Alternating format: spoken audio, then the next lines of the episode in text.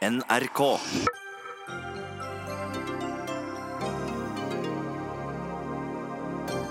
Trond Giske er aktuell for nye tillitsverv i Arbeiderpartiet. Det avgjorde Trøndelag Arbeiderparti i dag. For tidlig, sier leder i Steinkjer Ap. Systematiske lovbrudd og brudd på rettssikkerheten i flere små kommuner i Finnmark, ifølge ny rapport. Nødvendig å finne særskilte løsninger for kommuner som blir ufrivillig små, mener ordfører. Vi ønsker å skape norsk kommunal språkhistorie, sier Oslo-byråd, som vil bruke pronomet 'hen' i det kommunale språket. Dette er verken et folkekrav eller en aktuell utfordring, mener Frp. Og regjeringa vil ha færre fotobokser som måler fart på veiene. Livsfarlig, advarer Trygg Trafikk.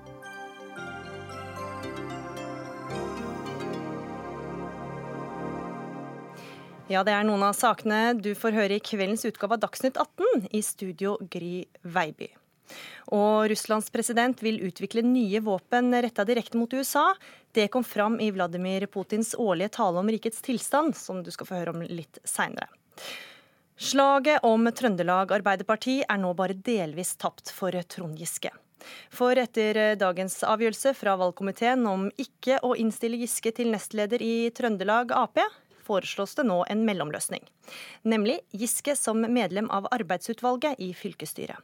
Dermed gir Arbeiderpartiets største fylkeslag tommel opp for nye tillitsverv for Giske. Og Giske vil ikke delta i Dagsnytt 18 i dag, men viser til Facebook, der han takker for valgkomiteens tillit. Grete Bekken Molland, du er leder i Steinkjer Arbeiderparti. Hva syns du om at Giske får denne tilliten nå? Jo, jeg er veldig glad for at eh, valgkomiteen i hvert fall eh, kom til den eh, beslutninga og at de ikke innstilte den som nestleder. Det tror jeg har vært veldig uklokt. Samtidig så er jeg kritisk til at han nå får plass i arbeidsutvalget. Da. Det mm. mener jeg er for tidlig, og at han trenger, fremdeles trenger å bygge tillit. Men hva, hva syns du om at det er en enstemmig valgkomité som står bak dette valget her? Og Det er noe vi er nødt til å forholde oss til, men det er jo fylkesårsmøtet som bestemmer. Men det er vel ingen grunn til å tro at dette vil reverseres? Det er kanskje ikke det, men jeg mener at det er for tidlig at Trond Giske får så sentrale, sentrale verv nå. Eh, han, jo, han, foreslås jo også en plass i arbeidsutvalget, og det, det, mener jeg er en sentral rolle i Trøndelag Arbeiderparti. Og han trenger å rundt og bygge tillit både blant medlemmer og velgere har jo fått mange tilbakemeldinger de siste dagene spesielt. Både fra medlemmer og fra sympatisører og, og velgerne våre, som viser at han ikke har den nødvendige tilliten enda. Hva syns du da om at Giske aktivt søker seg til sånne tillitsverv? Ja, det er jo opp til Trond Giske hva han søker seg til. Ødelegger han for partiet? Det har jeg forståelse for. Nei, jeg vil ikke si at den ødelegger for partiet. Vi har god bruk for Trond Giske i Arbeiderpartiet, men jeg mener at nå er ikke tida for å gi en sentrale roller. Trine Reitan, du sitter i valgkomiteen for Verdal i valgkomiteen, og du er varaordførerkandidat i Verdal kommune. Og dette har vært en tung dag, sier du. Hvorfor det? Nei, eh, jeg har vel ikke sagt at det har vært en tung dag. Det får stå for de regning. Men eh, at vi har drevet tøffe forhandlinger, det har vi. Men til Trønderavisa så sier du at møtet i dag eh, var litt ufint. Hvordan var det det? Ja, jeg syns jo i grunnen at når vi har forhandla fram en enighet rundt den ene tingen som vi føler vi har lagt bort, og er enige om at sånn blir det, så når vi forhandler videre, så blir det trukket fram igjen. Det syns jeg det er ufint, men eh, det er kanskje sånn sørtrønderne forhandler. Og da må du, må du innlemme oss andre. Hvilken ting er det du mente som dere hadde lagt bort, som ble tatt opp igjen? Ja, Vi har vel egentlig kommet til enighet om at Trond Giske ikke skulle ha nestlederposisjon i fylkespartiet. Mm. Og Hva var det som skjedde da på dette møtet, siden det var jo motsatt som konklusjonen dere endte med? Ja, jeg ga uttrykk for at jeg ikke ønska han i eh, arbeidsutvalget heller. Uh, det, det ble vel litt for tøft. Da dro de fram en som nestleder igjen. Uh, og da kjente jeg at uh, da måtte jeg vel Akkurat den måtte jeg kanskje tape. Hvis mm. jeg ikke skulle tape det at han ble innsatt som uh, nestleder, og vi skulle stemme over det. Det har vært en maktkamp i dag? Det har vært en maktkamp i flere møter. Det, det, er vel sånn det er å forhandle, da. Mm. Jorod Asphjell, leder i valgkomiteen. Ja, du hører her, Det kan virke som at dere fra gamle Sør-Trøndelag-siden har overkjørt valgkomiteen? Eller man kan i hvert fall få inntrykk av det? Eh, nei, det er klart det, spesielt når vi skal velge 15 kandidater inn i et nytt styre. og det er eh, som Trine sier her, at det er en eh, ganske tøff forhandlingsrunde for å få på plass de kandidatene i ulike kommunepartier ønsker. Og Det har vi hatt eh, så å si alle møter, og det har vi i dag òg. Men eh, til syvende og sist så prøver vi å puste litt med magen og se på hva er, er noe best for partiet. Skal vi ha en delt innstilling, eller skal vi ha en enstemmig innstilling? Og Heldigvis så kom vi fram med en, med en enstemmig innstilling. og så er det sånn at Når man forlater møtet, så føler kanskje alle sammen at ja, jeg fikk ikke som jeg helt ønska, men til syvende og sist så var vi iallfall en samla valgkomité som eh, kunne legge fram denne innstillinga. Men eh, var det litt ufint, som eh, Reitan sier? Det er vel kanskje hvordan en opplever det her, ikke sant. Eh, Trond Giske var jo foreslått av Trondheim. og Det har vært snakk om du skulle, skulle ut fra én til to nestledere. Og så var det ikke tvil om at det ville bli en delt innstilling på en Trond som nestleder. Og det syntes jeg som leder av komiteen har vært veldig uheldig. Vi har hatt mange runder med Trondheim og, og Trond på hvordan vi skal løse det på en god måte. Og da har Trondheim og Trond kommet til at ok, vi, vi tar til takke med, med styremedlemsplass. Eh, på tross av at det kanskje vil være en delt valgkomité. og og det er jeg glad for at eh, Trondheim og Trond tok det ansvaret. Mm. Hvor fornøyd, altså Du var jo her i går, eh, Asphjell. Eh, du sa det var på tide å få tilbake Giske i partipolitikken. Hvor fornøyd er du med dagens utfall? Dagens utfall er jeg veldig godt fornøyd med. Når, vi får en enstemmig innstilling, så er jeg veldig godt fornøyd med. og det, det tror jeg er veldig godt for partiet vårt. Så er det sånn at Trondheim nå får bare fire i styret, og Nordland i fylket får seks i styret. Så jeg skjønner at det her har vært noen runder for at, for at vi skal få en god eh, blanding av både gamle og nye kandidater. Ja, Molland. Eh, dere, altså Trine Reitan eh, nevner her at mye av det som kom, også kom fram i dette komitémøtet, er altså forskjellen mellom nord og sør. Hva, hva tenker du om det som leder for Steinkjer Arbeiderparti, og da tidligere nord? Nei, Jeg er veldig usikker på om det er klokt av valgkomiteen å foreslå et arbeidsutvalg som er såpass uh, skjevt. For at uh, en ting er at styret kan være godt representert geografisk, men i arbeidsutvalget så er jo geografien veldig skjev, sånn som jeg leser ut fra media i hvert fall. Uh, der er det jo fem fra sør og én fra nord. Og Det er også en kjønnsbalanse som jeg er ganske kritisk til. I Arbeiderpartiet så har vi verdier som handler om at, eh, om at det skal være likt i forhold til kjønn. og I arbeidsutvalget så er det fire menn og to damer, sånn som jeg forstår det ut ifra det som har stått i media. Og Vi er også bekymra for Trondheimsdominansen her.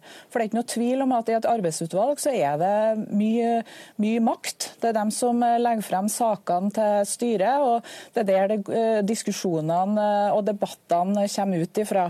Så, så, det er jo noe som vi er nødt til å se nærmere på. Men dere er jo ett Arbeiderparti. Hva har du å si om det er eh, flere fra nord eller fra sør?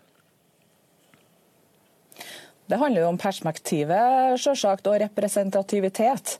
Man ønsker jo at alle innbyggere og alle medlemmer skal være godt representert, sånn at perspektivet også blir, blir sett både fra nord og fra sør, fra distrikt og fra land og fra by. Det er viktig i gode demokratiske prosesser, tenker jeg. Mm. Dere, kommer dere til å klare å samarbeide fram mot valget, tror du? Det tror jeg helt sikkert at vi klarer. Mm. Hva sier du til det, Jorod Asphjell? Hvor går veien videre nå? Ja, nei, eh, Det vil jo være åtte-sju i det her eh, styret. Eh, så Sju damer og åtte menn. Og I arbeidsutvalget så er det da fire fra Sørlien og én fra Nordlien. Men så kommer også AUF sin leder inn, som er Håkon Einarsve, som er fra Stjørdal. Men så er det jo å finne balansen. og Som jeg har sagt, så får altså Nord, Nordlien seks av 15 her. Eh, og det må vi si at det, er jo en, eh, en, bra fordeling. Og Trondheim tror jeg kanskje ikke er så godt fornøyd med å få fire. Så det er jo en, måte en eh, kjøpslåing her for å finne en, en, et godt styre til slutt. Og, jeg er sikker på at, jeg er sikker på at de her folket er så motivert på å drive en god valgkamp, både i kommunene og i fylket. Og, og det er jeg veldig glad for, og det har vi jo snakka med dem om. Og det tror jeg skal bli, bli spennende tid framover. Da takker jeg dere for uh, i denne omgang Grete Bekken Molland, leder i Steinkjer Arbeiderparti. Trine Reitan for, uh, valg, sitter i valgkomiteen og varaordførerkandidat i Verdal kommune. Og Jorodd Asphjell, leder i valgkomiteen. Og vi, vi, slipper ikke denne saken helt ennå. For Linda Bjørgan, du er politisk kommentator i NRK Trøndelag, og du var i Folkets hus, der valgkomiteen var samla til sitt siste møte i dag. Og dette møtet tok jo lengre tid enn eh, venta. Hva har skjedd i kulissene der, eh, vil du tro? Ja, Vi hører jo på de representantene her fra Steinkjer og, og Verdal at dette her handler om mer enn Trond Giske. Det handler også om geografi i det sammenslåtte Trøndelag Arbeiderparti. Eh, det handler om konflikt eh, by og land. Eh, og Da gjør det dette regnskapet og denne kabalen enda mer vanskelig. og Det blir som sagt ikke noe enklere når Trond Giske er en av de jokerne som skal på plass. Mm. Astrid Mæland, kommentator i VG. Trond Giske ble altså ikke innstilt til nestledervervet i Trøndelag Arbeiderparti. Hvor stort nederlag er det for Giske? Det er nok et nederlag for Trond Giske, som har prøvd på det her lenge nå. Han har prøvd på det for andre gang, faktisk, å bli nestleder i Trøndelag Arbeiderpartis fylkesstyre, og han fikk nei. Så det tyder på at han feilbedømte eh, motstanden. Han fikk mer motstand enn han trodde. Jeg tror ikke at Trond Giske ville ha prøvd å tikke den, det, fått det vervet uten at han trodde at han har sjanse til det. Så her gikk han eh, full gass inn, og det ble tap. Mm. Bjørgan, det vervet som Giske får nå, hva innebærer det? Ja, Det innebærer jo at en eh, blir sittende i eh, arbeidsutvalget. Og Hvis at landsmøtet i Arbeiderpartiet øker antall eh, representanter i landsstyret fra Trøndelag fra to, som de har i dag, til fire, så kan det jo tenkes i ytterste konsekvens at Trond Giske får et plass i landsstyret også med stemmerett. Han sitter jo der allerede som stortingsrepresentant med forslags- og møterett. Men det er det det i realiteten innebærer. Men så er det klart at det å kan presentere seg sjøl som nestleder har alltid litt mer status enn å si at han er, er, styremedlem. Men det er ikke noe tvil om at han nå vil utgjøre en del av ledelsen i Trøndelag Arbeiderparti, hvis han da blir valgt inn. Mm, men samtidig så eh, har vi jo lest i VG i dag at uh, ifølge det de erfarer, så skal Giske ha gitt beskjed til Asphjell uh, i går kveld om at han ikke ville være kandidat som nestleder. og Hvordan tolker du det?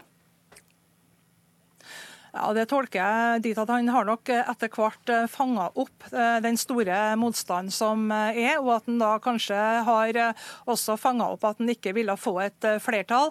Og jeg tror også Trond Giske ville skjønne at det å få til en kampvotering på årsmøtet til Trøndelag Arbeiderparti, det var ikke sikkert at han ville komme seirende ut av. Og Da er det bedre å trekke seg nå, heller bygge seg gradvis opp, stein for stein, enn å gå på en skikkelig smell i all offentlighet på det årsmøtet årsmøte. Ja, for Mæland, du mener at dette kommer til å bli brukt som et springbrett?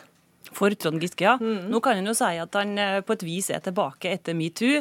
Han kan si at Trøndelag, sitt eh, eget parti, har gitt ham tillit igjen. Altså Hvis det her går igjennom, da. Det er jo ikke helt sikkert det blir slik som valgkomiteen innstiller på. Men det er jo en enstemmig innstilling, vil ikke da gå gjennom? Eh, ja, det er mest sannsynligvis slik. Men hvis det blir mer eh, kvalm og bråk og konflikt i det partiet fram mot, fram mot møtet, så kan det jo tenkes at det er noen som prøver seg igjen. Og det er jo litt, ser jo litt ut som det er ganske krigersk i Trøndelag Trøndelag Arbeiderparti at det har vært det en god stund. Mye snakk om geografi og by mot land og Trondheim mot resten, men jeg tror nok at det som har skjedd denne uka her, eh, sprengkraften er Trond Giske.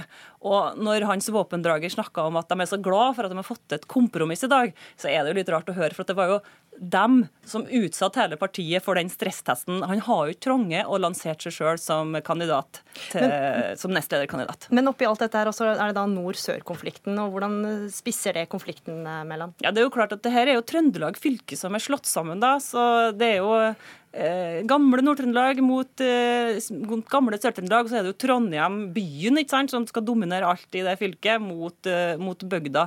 Så den konflikten er der, selvfølgelig. Men, men så er det jo metoo-skandalene ikke sant, som ligger der. Og, og i Trondheim Arbeiderparti, Trøndelag Arbeiderparti, så er jo mange, mange redd for at det skal bli konflikt med Oslo, at det skal bli for mye konflikt internt. Og det er jo eh, Trond Giske en Eh, øker jo konfliktnivået når han lanserer seg sjøl som, eh, som, kandidat. Det har akkurat vært litt dempende Bjørgan, at han har lansert seg selv som kandidat. Hvor går eh, debatten innad i Arbeiderpartiet nå?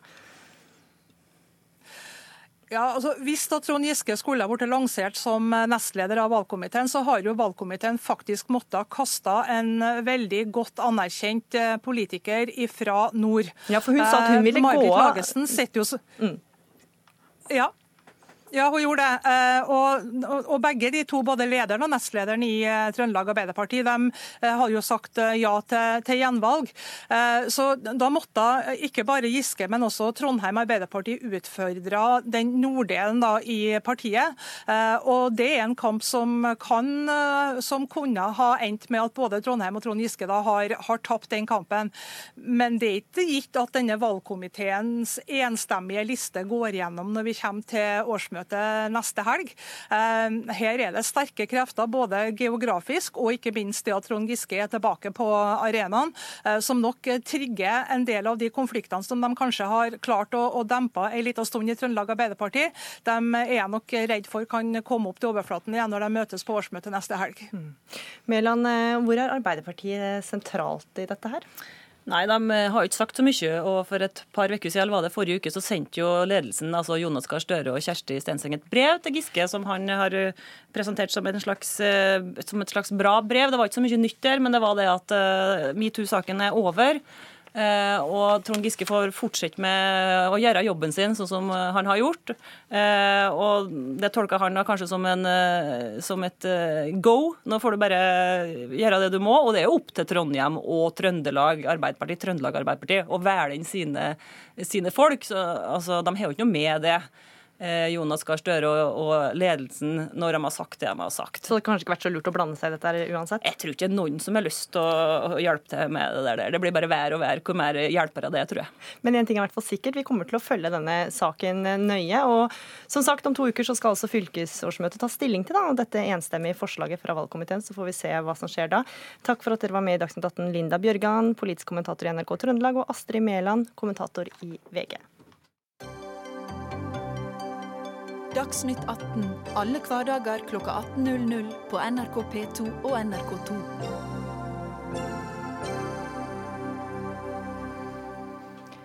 Det foregår systematiske lovbrudd og brudd på rettssikkerheten i flere små kommuner i Finnmark. Det fastslår en fersk rapport utarbeida av Nivi Analyse på oppdrag fra Fylkesmannen i Troms og Finnmark.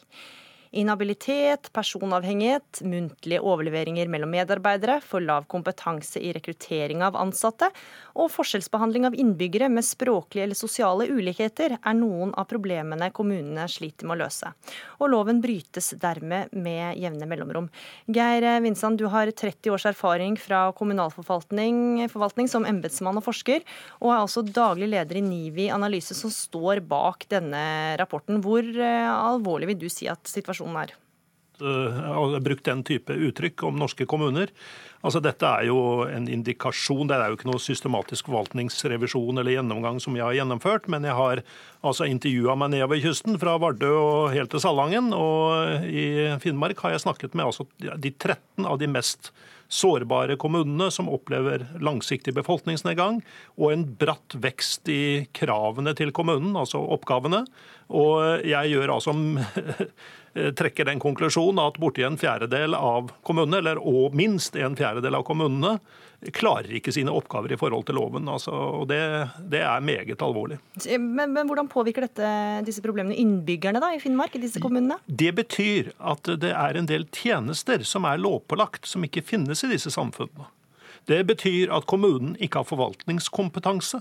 Det betyr at kommunen mangler planfunksjon, mangler personalfunksjon. Det er en rådmann som sitter helt alene med altfor store oppgaver, og som mangler kompetanse.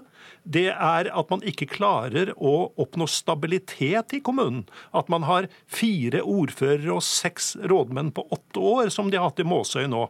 Altså, Prøv det, da, på en sentral østlandskommune. Altså, det det, det, det, og, og, Årsaken til dette er jo isolasjon. altså. Det er at de sitter alene med altfor store oppgaver. Mm.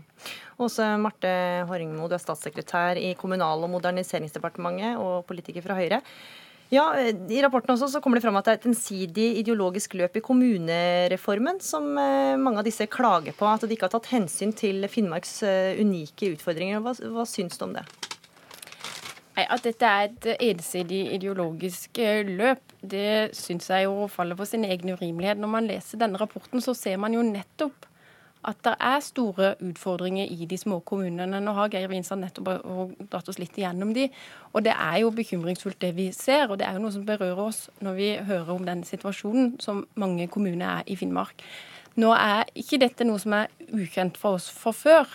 Eh, og vi ser om ikke på samme måte Men det er små kommuner som har for, for, for store oppgaver, da?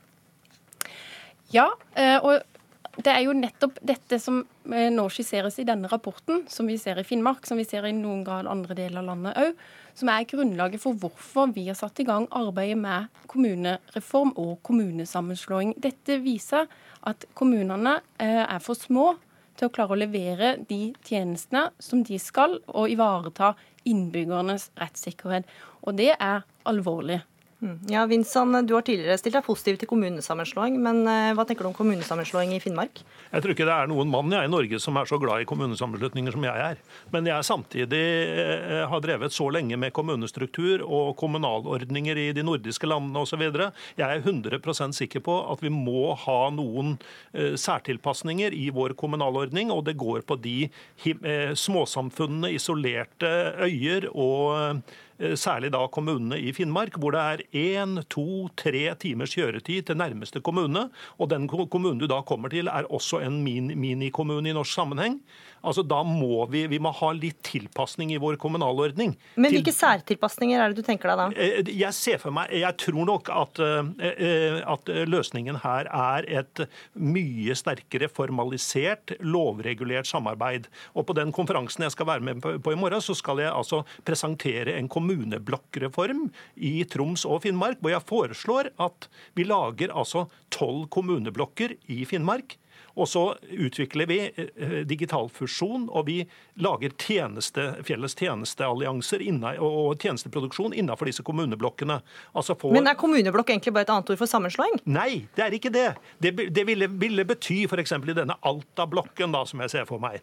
Eh, fordi Loppa sliter veldig. Loppa er en av de kommunene som jeg mener Altså, det er jo ydmykende framstillinger av en norsk kommune som jeg mener er helt uakseptabelt, det som skjer der. Jeg mener løsningen I morgen den dag så burde kommunalministeren reise til Alta, kalle sammen eh, eh, Loppa kommune. Jeg ville hatt med meg Kvænangen, og jeg ville invitert Hasvik og Kautokeino. Og, og, og, og som en minimum kreve en felles helse- og sosialtjeneste mellom Alta og Loppa. Men, men for, for, utenforstående så kan det jo høres litt ut som at dette er som en slags sammenslåing? Det er partiell fusjon, ja. Det betyr at man i alle fall da sørger for at de eh, lovpålagte tjenestene som krever kompetanse, at det gjøres tilgjengelig for den befolkningen som er avhengig av den. Mm. Ja, Håringmo, eh, hva tenker du om det? Hadde det vært en mulig løsning? Vi, eh, vårt hovedfokus har vært på kommunereform. Jeg synes Den rapporten som Vilsand har lagd, den viser jo nettopp at det er et stort behov for det. Mm. Ja, Hva kan Men de tjene forstår, på da, for å på, på slå seg sammen? Jeg kan bare fortsette på det. for hvis vi øh, Nå ønsker han økt samarbeid. Og det står kommunene helt fritt til å kunne gjøre. Og det har mange kommuner valgt å gjøre. De har satsa på interkommunalt samarbeid. Men når det ikke er den løsninga vi fremhever, først og fremst, så er det fordi det er ingen fullgod løsning. Og jeg forstår heller ikke hvorfor kommunene da, ifølge Vinsand, bør sette seg ned og få til et formalisert samarbeid på mange områder. Men, så de kan samarbeide om sentrale lovpålagte tjenester, men de kan ikke samarbeide om rådhus, rådmann og ordførere. For det er jo avstandsulempene er jo størst når det kommer til tjenestesiden, og ikke til avstanden til rådhuset. Så det er jo ikke så ofte tross alt vi er på et rådhus. Jeg forstår ikke hvorfor eh, man da skal kunne samarbeide om alt dette, men ikke slå seg sammen. Hvorfor blir da de særskilte utfordringene mindre med hans løsning. Ja, hvorfor skille på det, Vinson? Jo, jeg foreslår da at Kommunaldepartementet tar seg en tur til Danmark. Altså de er gjennom, de er, det, er, det, er, et enkelt land å drive med kommuneinndeling forholdsvis i forhold til Norge, men de har altså en, en unntaksløsning for sine isolerte øyer. Og Det er en samarbeidsordning. Det er en vertskommuneavlastningsordning for de ufrivillige små. Det er et minimum av hva vi trenger i den norske kommunalordningen for å håndtere ikonkommuner som Røst. Jeg sitter her med ordføreren i, i Nordkapp. Jeg mener eh, er Som perle på en snor så er det Det er ikke mange mennesker det dreier seg om, men det er en ytterst vanskelig periferi å, å sikre en likeverdig velferdsproduksjon til innbyggerne. Vi skal ha med en av dem det gjelder, Arbeiderpartipolitiker Kristina Hansen. Du er ordfører i Nordkapp kommune og er blant eh, kommunene som er med i undersøkelsen. Og dere også vil ha tilrettelegging eh, for samarbeid. Hva ligger i det? Ja, Vi har jo vurdert om vi skulle slå oss sammen. for Jeg er helt enig med forskeren her at svaret er jo ikke sammenslåing på alle utfordringer, sånn som denne regjeringa da har eh, lagt opp til. Eh, og det er veldig mange kommuner i Finnmark som er ufrivillig små. Vi er en sånn kommune. Eh, vi eh, eh, har, mener, vil ikke slå oss sammen med noen, ser ikke at vi tjener så veldig mye på det. Men vi ønsker velkommen tettere og mer forpliktende interkommunalt samarbeid. Og det er det veldig mange kommuner i Finnmark som har gitt som svar på utfordringer fra regjeringa på kommunereformen. Men dere står jo fritt til å gjøre dette her, sier jo Horringmo. Ja, det er helt riktig. Og vi er ganske flinke på å samarbeide. Eh, Uh, allerede. Men jeg, jeg, mener jo at uh, istedenfor kun å gå inn med insentiver på kommuner som slår seg sammen, så burde det også vært insentiver på andre, altså på bl.a. samarbeid. Mm. Uh, jeg hører forskeren her tar til orde for uh, formalisert og regulert. som kommunepolitiker og lokalpolitiker, tilhenger av lokaldemokratiet, så vil jeg vel eh, heller helle i retning av mer gulrøtter enn pisk. Hvor, hvor, hvorfor kan man ikke bare slå sammen kommuner? Jeg må stille deg det spørsmålet også, Kristine Hansen. Ja, Det har jo med mange ting å gjøre. Det har bl.a. med identitet å gjøre. Men det handler jo òg om at man Det er ikke det at man er, er prinsipielt imot. Eh, og jeg tror ikke heller at finnmarkspolitikere er noe, noe eh, særinger. Det er fordi man ser det som lite hensiktsmessig, fordi at det er så store avstander. Eh, både geografisk, men også klima gir jo også en, en særskilt eh, avstand eh, i, i Finnmark. Mm. Altså Det er jo stengte veier. Det er jo ikke framkommelighet mellom samfunn om vinteren, bl.a. Mm. Vanskelig å slå sammen rent geografisk også? Håringmo? Avstandsulempen er jo klar i Finnmark. Eh, men samtidig så blir jo kommunene i Finnmark kompensert fordi de er dyre å drifte, bl.a. pga. større avstand. Men den avstandsutfordringa er jo den samme om du skal samarbeide om å levere de ulike tjenestene, eller om man skal slå seg sammen og være en felles ny eh, enhet. Eh, og Vi ser jo fra eksempler fra mange av de kommunene rundt i Norge som slår seg sammen, det de er veldig opptatt av, det er å sørge for nærhet til tjeneste fortsatt i den nye kommunen. Dette er jo ikke en sentraliseringsreform. Men skole, barnehage, hjemmesykepleie, det som betyr noe for folk at det er nærme, det skal ligge rundt i de, hele de nye kommunene òg. Men man kan samarbeide om barnevern. Man kan samarbeide om skoleutvikling og barnehageutvikling, f.eks. den type spørsmål. Og noe av det som Vinsand viser i sin rapport, det er jo nettopp at kommunene Eh, sliter med å få kapasitet, få opp nok kompetanse i organisasjonen. Det er mange dyktige ansatte ute mm. i Kommune-Norge, men man sliter med det som går på kapasiteten. Og Det er kanskje ikke så vanskelig å forstå at hvis man er den eneste som jobber med barnevern, eller hvis man er den eneste som skal drifte store, tunge tjenester, det er ganske tøft. Det er nok kanskje ikke det de fleste av oss ønsker. Ja, og, mange av oss vil ha, jobbe i et større og Hansen, fagmiljø. Altså det er jo eh, fordeler med dette. her, også Man kan samle fagmiljøene. og Du sier jo i dag at ting ikke fungerer, og du sier at identitet er viktig, men må ikke det, det at ting fungerer, trumfe identiteten? Ja, Noen ganger klarer du ikke å samle fagmiljøene en gang, fordi at det så, med de avstandene som vi har. Eh, og det finnes andre svar enn å slå seg sammen eh, til å på en måte få fagmiljøer opp å gå. Altså, du har jo nettverksmodeller på tvers av kommunegrenser og den type ting. Så jeg mener at eh, regjeringa og myndighetene må inn og tenke flere tanker når det handler om å sikre innbyggerne likeverdige tjenester. Mm, du skal få svar på det, Håringmo, veldig kort. Vi er opptatt av at eh, innbyggerne skal få de best mulige tjenestene. Derfor så er kommunereform det, første, det svaret vi først og fremst løfter fram. Men kommunene står helt fritt til å finne andre løsninger. De kan også samarbeide. Vi hindrer de på ingen måte i det. Men det er et lokalt ansvar å sørge for å levere tjenester til sine innbyggere. Og Vincent, jeg må jo bare spørre deg helt til slutt her da. Det er et stort overtall av Arbeiderpartiordførere i Finnmarkskommunene. Kan ikke det ha hatt noe å si for eh, resultatet som kom fram her? Nei, det tror jeg ikke. Jeg, jeg, merker ikke noen sånne partipolitiske eh, skillelinjer i spørsmålet om når det er så jeg, jeg, tror ikke de som uttaler seg nå i Kommunaldepartementet er klar over hvilke ekstreme reiseavstander vi står overfor. Nei og hvor vanskelig dette egentlig er å lage toppmoderne velferdskommuner av den type samfunn. Nå har de i hvert fall eh, fått vite mer om det nå. Eh, i Dagsnytt 18 har du lyst til å lese mer om denne saken, så kan du gå inn på nrk.no. Takk for at dere var med i Dagsnytt 18, Åse Marte Horringmo, statssekretær i Kommunal- og moderniseringsdepartementet, Geir Vinsand, daglig leder i NIVI Analyse, og Kristina Hansen, ordfører i Nordkapp kommune.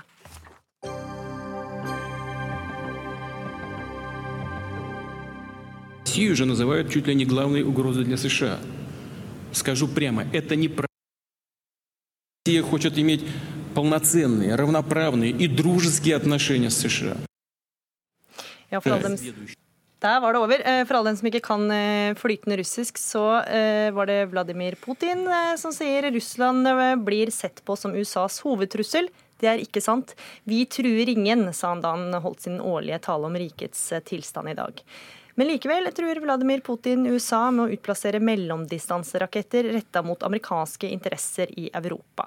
Og I talen sin så brukte han også mye av tida til å snakke om innenrikspolitiske saker. Jan Espen Kruse, NRKs korrespondent i Moskva. Hvorfor går Vladimir Putin så hardt ut mot USA i den talen? Han eh, vil eh, helt åpenbart vise at han ikke lar seg diktere av USA. Og han er helt åpenbart irritert over at amerikanerne ikke ønsker å forhandle med Russland om eh, nye, en ny avtale om mellomdistanseraketter. Og så frykter han nok at amerikanerne som da forlater denne avtalen, skal komme til å utplassere slike raketter i Europa. For han sa at trusselen fra vest den øker kraftig for Russland dersom det skulle skje. Hva sa han om våpnene som Russland nå utvikler? Ja, Han eh, listet opp en lang rekke våpen. Eh, fra de store, nye atomrakettene, interkontinentale raketter, eh, til krysserraketter. Og han nevnte at i løpet av året så skal den første russiske ubåten utstyres med en slags undervannsdrone, som kan utstyres igjen med en kraftig atomladning. Sånn at vi kan vel nesten si at uh, ifølge Putin i dag, så er våpenkappløpet mellom øst og vest i full gang. Mm. Og så brukte han uh, mye av tida på å snakke om innenrikspolitiske saker, og hva, hva var han mest opptatt av der? Ja, Han gikk gjennom absolutt hele listen av viktige samfunnsområder, men det russerne naturligvis bet seg mest merke var hans løfter om at i løpet av dette året så skal levestandarden i Russland økes betydelig, og at eh, barnefamilier, eldre, eh, praktisk talt alle skal få merke i løpet av året at eh, de får det bedre økonomisk. Det er ganske friske løfter, og det er litt vanskelig å forstå hvorfor det skulle skje akkurat nå nå. Men eh, han er i hvert fall veldig på tilbudssiden, eh, selv om han ikke trenger det, siden han ble valgt til en ny periode som president i fjor. Takk eh, til deg for den rapporten, Jan Espen Kruse. Sverre Loddgaard, seniorforsker ved Norsk utenrikspolitisk institutt, NUPI. La oss først snakke om det første. Altså, Russland blir sett på som USAs hovedtrussel, sier altså Putin. Hvor alvorlig er trusselen Putin retter mot USA? Han eh, understreker jo at hvis det kommer til eh, nye amerikanske våpen i Europa, eh, så vil Russland svare. Ikke bare mot de landene i Europa som tar imot disse våpnene, men også mot USA. For her er jo forholdet at nye amerikanske våpen i Europa vil være strategiske i forhold til Russland, mens tilsvarende russiske våpen ikke vil nå USA. Men der sier han altså at nå har Russland nye våpen på beddingen. Jan Espen Kruse nevnte disse Eh, dronene for utplassering på ubåter, atomdrevne og derfor med ubegrenset rekkevidde. I tillegg sier han at det er et eh, nytt spektakulært våpen som man skal begynne å utplassere i dette året. Og det er altså eh, et våpen som skal innplasseres i de strategiske styrkene. Som altså kan nå USA, og som har veldig høy hastighet. Man nevner noen og tyve ganger lydens hastighet. Slik at, som Putin sier, varslingstiden for amerikanerne kan komme til å bli omtrent like kort som den varslingstiden som de har i forhold til nye våpen i Europa. Så det er ganske alvorlig Russland retter mot USA? Ja, men vi må jo huske på da at uh, han sier i en annen sammenheng at uh, alle disse forskjellige våpnene uh, som han utviklet eller snakket mye om også i fjor, det er våpen som skal plasseres innenfor rammen av eksisterende budsjetter. Eh, og det amerikanske forsvarsbudsjettet er altså veldig mye større enn det russiske. Det russiske er vel ca. 10% av det amerikanske. Så handlingsrommet er kanskje ikke like stort som eh, ordene eller løftene han kommer med? Eh, det er ikke innlysende at alt det han her sier, henger helt på greip. Og jeg tror nok han har snakket opp den russiske eh, forsvarsevnen i denne talen. Putin viste også til at USA har etablert utskytningsramper i Romania og Polen, og at disse vil være i stand til å bære Tomahawk-raketter. Hvor stor trussel er det mot Russland? Jeg tror nok at eh, påstanden teknisk sett kan være riktig. At rakettforsvaret også kan være i stand til å skyte ut Tomahawk-raketter. Eh, særlig ettersom produsenten Lockheed Martin eh, reklamerer for at dette er en eh, flerbruksvare. Men hvorfor bruke faste, sårbare installasjoner for å skyte ut slike raketter, når man har flust med mobile plattformer både til sjøs og, til, og, i, og, og i lufta? Jeg syns vel at denne påstanden, dette argumentet, er ganske oppstyltet. Hele denne diskusjonen om hvem som har skylda for at uh, avtalen havarerer, eh, den skygger egentlig for de reelle årsakene til at det skjer. Og Den reelle årsaken på amerikansk side begynner med Kina, som har utviklet et ganske massivt arsenal med mellomdistansevåpen. Fortsetter med motstanden, motviljen i Det hvite hus mot alt som heter rustningskontroll. Og for, for Russland var jo også Kina-argumentet eh, veldig viktig. Lenge. Inntil de siste årene. Eh, for nå er altså det strategiske partnerskapet mellom eh, Russland og Kina eh, tettere enn noen gang siden midt på 50-tallet. Og da ville det være umusikalsk å plassere nye missiler i, eh, i, Sibir. Så har oppmerksomheten snudd seg mot Europa, og mange russere har kommet til å mene at de er best tjent med denne avtalen. Eh, men nå er det etter alle solemerker å dømme for sent. Mm. Lene Wetland, leder eh, for Russland-avdelingen ved den norske Helsingforskomiteen. Hva ønsker Putin å oppnå ved å gå så hardt ut mot USA? Eh, det er jo litt det at han trenger en, en ytre fiende. Han er jo blitt mye mindre populær på hjemmebane enn, enn han har vært. Og den, det engasjementet og den nasjonalistiske gode følelsen han har fått gjennom å okkupere Krim og med krig i Syria og Øst-Ukraina, den begynner å bli mye mindre. Så nå er det tid å fokusere på en ny ytre fiende når han mister popularitet på hjemmebane. En kjent strategi å fokusere på ytre fiende. Hva er det russerne er mest misfornøyd med under Putins regjeringstid? Eh, det er ganske mye. Som, som Kruse sa innledningsvis, så gikk han gjennom på en måte hele smørbrødlisten av ting som nå skulle bli bedre. Det er jo interessant at han begynner å snakke om at det skal bli bedre nå. Han kunne jo ha gjort det i mange av de årene han har eh, sittet ved makten. Men eh, folk merker at kjøleskapet blir det blir mindre og mindre i kjøleskapet, samtidig som man på TV ser at det liksom skal bli så mye bedre. Men nå begynner folk å innse at de har det ikke så godt som det myndighetene prøver å fremstille det som. Og man merker denne fattigdommen og en, en oppgitthet over at myndighetene innskrenker stadig flere grunnleggende friheter for stadig flere grupper av befolkningen. Mm. Er det grunn til å tro at det kommer til å bli bedre nå, da? Eh, det er jo interessant at man skal bruke så mye penger både på våpen og på å forbedre levestandarden for så mange akkurat eh, i år, når økonomien ikke går så bra og sanksjoner eh, fra Europa og USA påvirker økonomien veldig. Så de aller fleste kommentarene jeg har sett på sosiale medier i dag, går jo på at ja, det er nye, det er nye tomme ord, da. Men at han i hvert fall snakker, snakker, om det og responderer på at folk har protestert mot en del forskjellige ting i det offentlige i det siste. Og så var han også innom den lave fødselsraten. Hvorfor er han bekymra for den utviklinga? Eh, man skal jo holde en, eh, en stor stat, en stor uavhengig stat ved like. Og da må man få opp fødselstallene. Så mye av det han snakket om, gikk jo på å, å få opp fødselstall for å kunne vedlikeholde denne store, store nasjonen, dette store riket som han nå har fått opp igjen fra, fra knestående, som, som, det heter. Men det er ikke sikkert at han begynner i riktig ende da, med å få, med å få disse tallene opp. Men tror du denne talen vil motvirke den minskende populariteten hans, eller kan den påvirke det? Eh, både ja og nei. Altså, som sagt så tar han jo opp en del av de eh, temaene som har gjort folk eh, opprørte.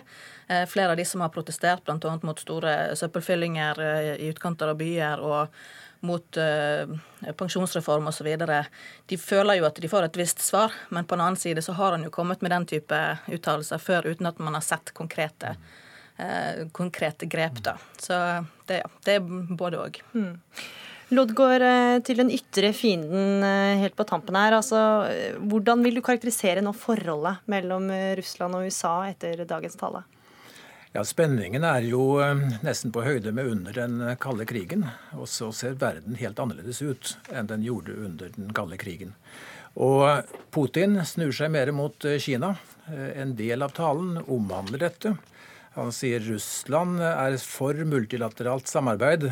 Og så fremhever han spesielt eh, samordning mellom tiltak i eh, det euroasiatiske økonomiske eh, rommet og det gigantiske kinesiske Silkeveiprosjektet. Og sier at dette er prologen til noe som skal bli et stort euroasiatisk fellesskap. Som sagt, det strategiske partnerskapet mellom disse to er tettere enn på aldri så lenge. Mm. Og det kan hende at vi får høre om det i en annen eh, årstale om rikets tilstand, for det blir jo ikke den siste talen han eh, holdt. Han er president fram til 2024. Takk for at dere kom til eh, Dagsnytt 18, Lene Wetteland fra den norske Helsingforskomiteen og Sverre Lodgaard ved NUPI.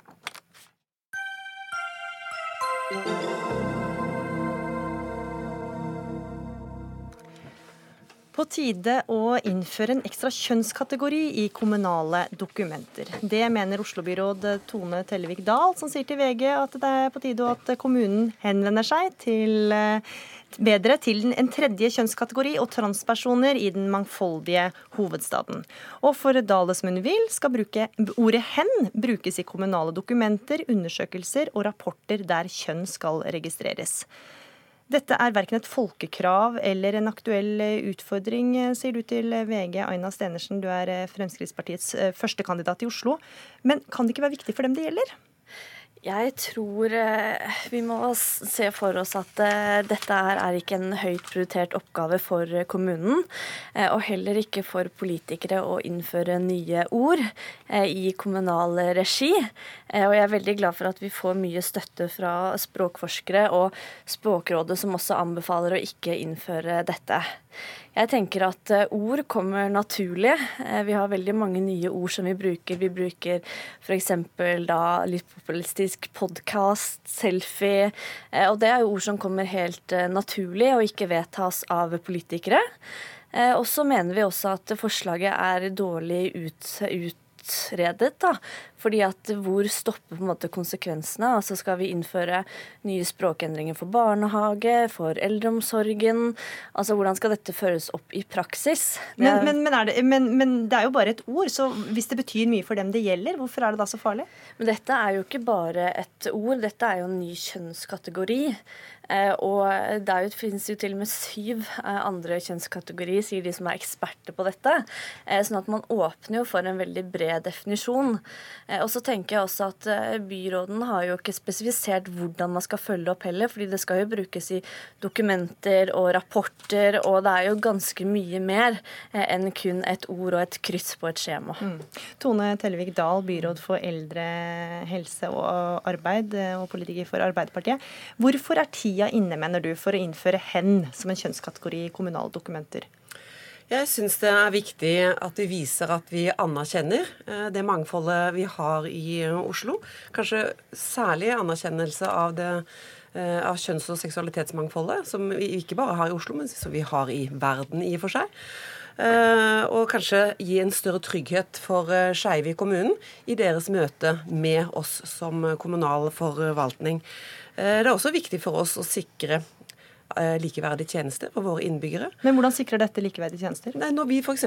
etterspør kjønn da, i ulike spørreskjemaer, hvis det er en innbygger som ikke opplever at verken kvinne eller mann passer for vedkommende, da gir vi dem en mulighet til å krysse av i en tredje kategori, som vi da kan kalle hen. Eh, og det eh, gjør da det mulig da for vedkommende å tenke at vi anerkjenner at den personen verken ser på seg selv som en kvinne eller mann, men de får lov til å uttrykke at de er noe annet enn det. Og vi som kommune får også da informasjon om at det er faktisk noen innbyggere som aktivt velger å definere seg som noe annet enn kvinne og mann. Og det gir jo eh, viktige tilbakemeldinger til de tjenestene som eh, da skal eh, gi eh, noe tilbake til eh, disse personene. Men hvor mange er det det gjelder? Det er vanskelig å si, da. Det vet vi jo egentlig ikke, for det er jo ingen, som, uh, ingen kommuner som har innført denne tredje muligheten til å, til å krysse av uh, på hen, eller annet for den saks skyld. Men jeg tror at mange i det skeive miljøet vil oppleve en økt anerkjennelse i møte med kommunen hvis de slipper å måtte forholde seg til det heteronormative inndelingen kvinne og mann. Og vi skal være en by for alle, og alle skal oppleve at vi møter dem med den samme anerkjennelse og respekt. Mm handler om å være inkluderende? Aina Stenersen? Eh, jeg tenker at det er veldig mange andre måter man kan være inkluderende og anerkjenne dette miljøet på. Eh, og det tror jeg vi heller skal gjøre. Eh, og så er det også Hvilke sånn, andre måter tenker du det er, da? Nei, jeg tenker at Det er holdningsendringer. Det er kunnskap inn i skolen. Og det er også sånn som regjeringen har vært veldig flink på, å ha innsats f.eks. mot hatkriminalitet. Sånn at det er mange områder man kan jobbe veldig godt opp mot den gruppen. Og så tenker jeg at kommunen også kan jo f.eks. bruke vedkommende. Eh, og jeg tenker at eh, Altså ordet vedkommende? Ja, ordet vedkommende. Men Hva slags informasjon gir det til kommunen om eh, kjønnsidentitet? Vedkommende, det er hvis man ønsker å bruke det, så syns jeg man kan gjøre det. Eller så har man hun og han. Men det jeg tenker Men da mener du mann, kvinne eller vedkommende? Eller hvordan tenker du å bruke nei, ordet vedkommende? Nei, jeg tenker at man skal krysse av på om kvinne eller mann. Eh, også hvis det er noe sånn korrespondanse utenom det, så kan man bruke vedkommende. Eh, mm. Men jeg tenker også at, at, det som er interessant her, er jo det at eh, Oslo Ap har jo ikke vedtatt dette i sitt eh, programutkast for neste periode.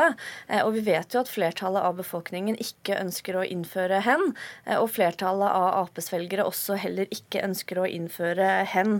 Og så tenker jeg også at her sier jo byråden også nettopp det som Fremskrittspartiet peker på, at man åpner opp for en ny politikk og nye områder og nye tilrettelegginger. I Sverige f.eks. så har man jo barnehager hvor man bruker bare kalle barna for hen. Eh, og det også er utfordrende, fordi vi har veldig mange kommunale barnehager. Selv om vi skulle hatt et større mangfold, så har det ganske stor betydning altså, hvis Arbeiderpartiet innfører dette i Oslo. Men det er ikke dette vi foreslår. Vi foreslår å innføre en tredje kategori i de skjemaene og undersøkelsene og dokumentene hvor vi eh, ber innbyggerne våre om å sette seg selv inn i en kjønnskategori. Mm, det har du sagt, men som, som Stenersen sier her, så viser hun da til en undersøkelse som Infact gjorde, som eh, VG siterer i dag, eh, fra 2017. Det viser at flertallet er negative til å innføre dette. Også flertallet av Arbeiderpartiets velgere er negative. Det virker jo ikke som det er noe folkekrav om å få inn hen. Nei, altså, og vi snakker om en minoritet. Eh, men hvorfor skal ikke vi politikere sørge for at alle føler seg inkludert, og at de opplever at møtet med kommunen er anerkjennende, og at de blir møtt med likeverdige tjenester? Det er jo det det, det inkluderende ekstra, Oslo Extra Large-manifestet, som eh, alle i bystyret har sluttet seg til tidligere, egentlig eh, handler om. Så det er en, en mindre befolkningsgruppe som har ønsket dette. Jeg har lyttet til de, de rådene, og har sendt nå ut på, på høring dette forslaget. Og Arbeiderpartiet har på Stortinget fremmet forslag om at man skal utrede eh, bruken av hen.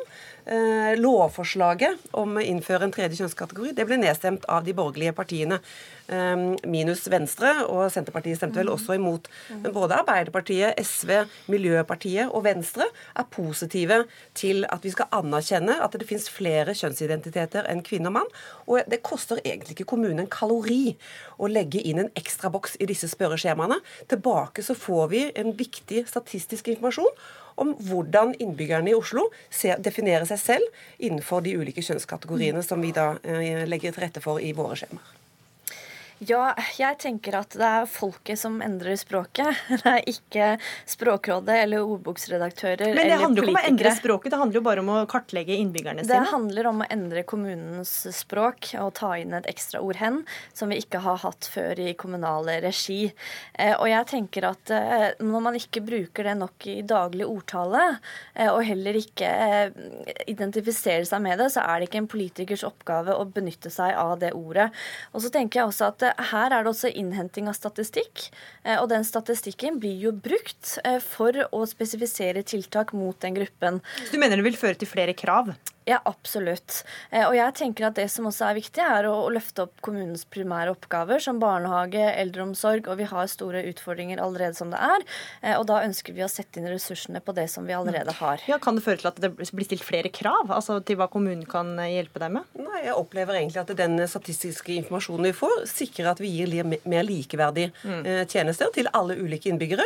Hvis det er en person som definerer seg som hen, som får en sykehjemsplass, ja, så er det utrolig viktig at medarbeiderne på sykehjemmet tar hensyn Men trenger man den ekstra boksen for å gjøre det? Kan man ikke bare eh, ringe og si det, eller sende en melding og si at eh, jeg identifiserer meg som verken han eller hun? Jo, men vi må få inn den informasjonen, da. Og da må eh, våre eh, skriftlige dokumentasjoner som etterspør den kjønnsidentiteten, ta høyde for at man kan krysse av noe annet enn kvinne og mann. Og forslaget om bruken av hen-ordet sendes nå ut på høring til ulike instanser i Oslo kommune. Så får vi se da om det er flere som syns at det er en god idé. Takk for at dere var med i Dagsnytt 18, Tone Tellevik Dahl, byråd for eldre, helse og arbeid, og Aina Stenersen fra Frp. Hør Dagsnytt 18 når du vil. Radio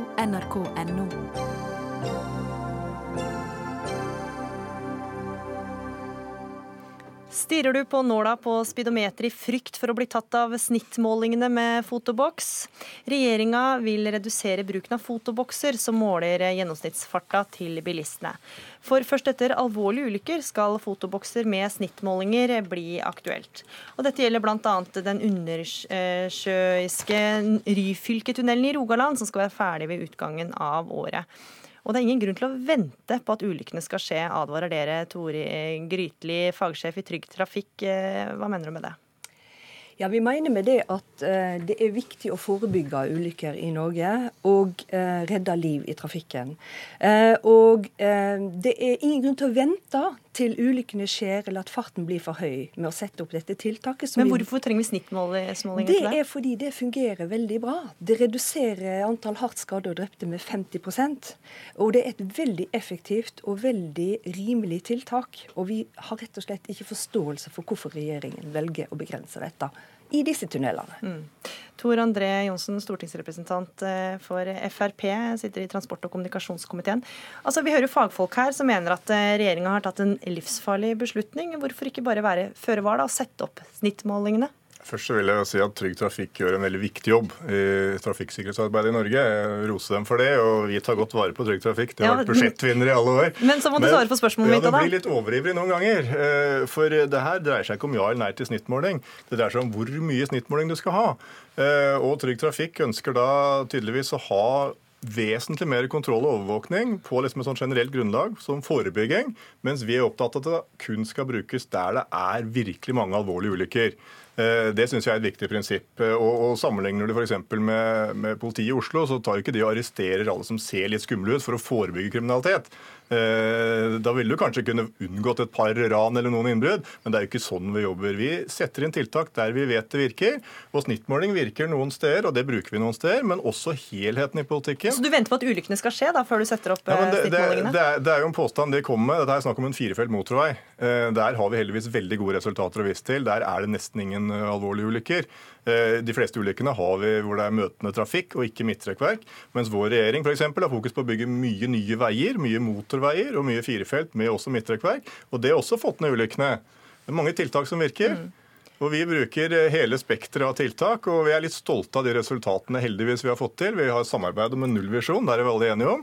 Og Ser du på ulykkene i Norge i dag, så må du tilbake til etter krigen, heldigvis, for å få så få ulykker som vi har nå. Og Grytli, Det er jo flere ting da, som eh, forhindrer trafikkulykker, f.eks. firefelts motorvei med midtbane. Ja da, det er mange tiltak som virker i trafikksikkerhetsarbeidet.